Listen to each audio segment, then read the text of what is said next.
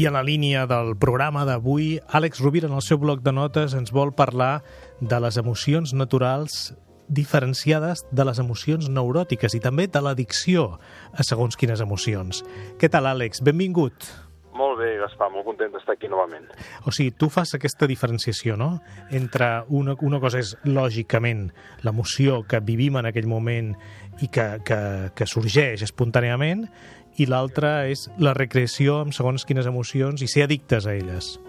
Efectivament, les emocions, com molt bé s'ha dit, tenen una funció informativa. Ens informen d'allò que és agradable o desagradable, d'allò de lo qual ens hem d'allunyar o ens hi podem apropar.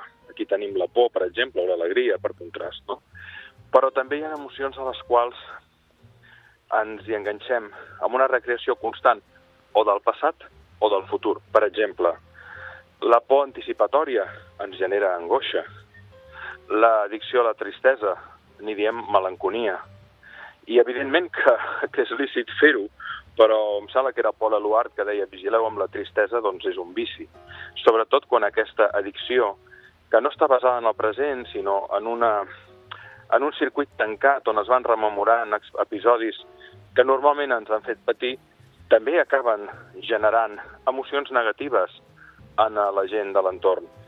Un dels tipus de trauma que, que es coneix és el trauma vicari. I el trauma vicari el viuen persones que no han passat per situacions traumàtiques, però que viuen al costat de persones que estan tot el dia repetint situacions traumàtiques i explicant-les contínuament. Al final, aquestes persones també acaben traumatitzades. Què vull dir?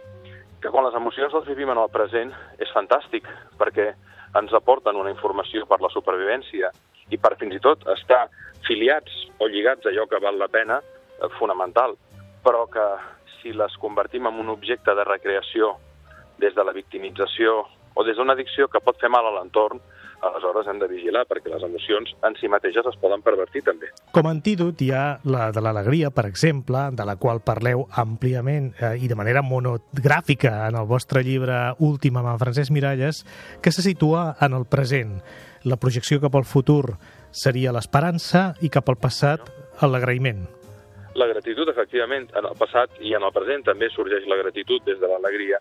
Jo penso que l'alegria és una, eh, i ja ho, vam, ja ho vam comentar en el seu moment, però és una emoció de la que en general la psicologia li ha prestat menys atenció, també de manera natural, perquè s'ha centrat molt més a estudiar les emocions que ens informaven des del dolor, des del patiment, però és una emoció a la qual podem convidar eh, i que ens demana ben poc.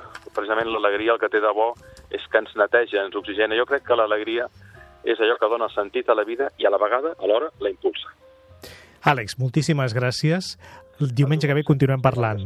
Una forta abraçada. Una abraçada. Bona setmana. Bona setmana.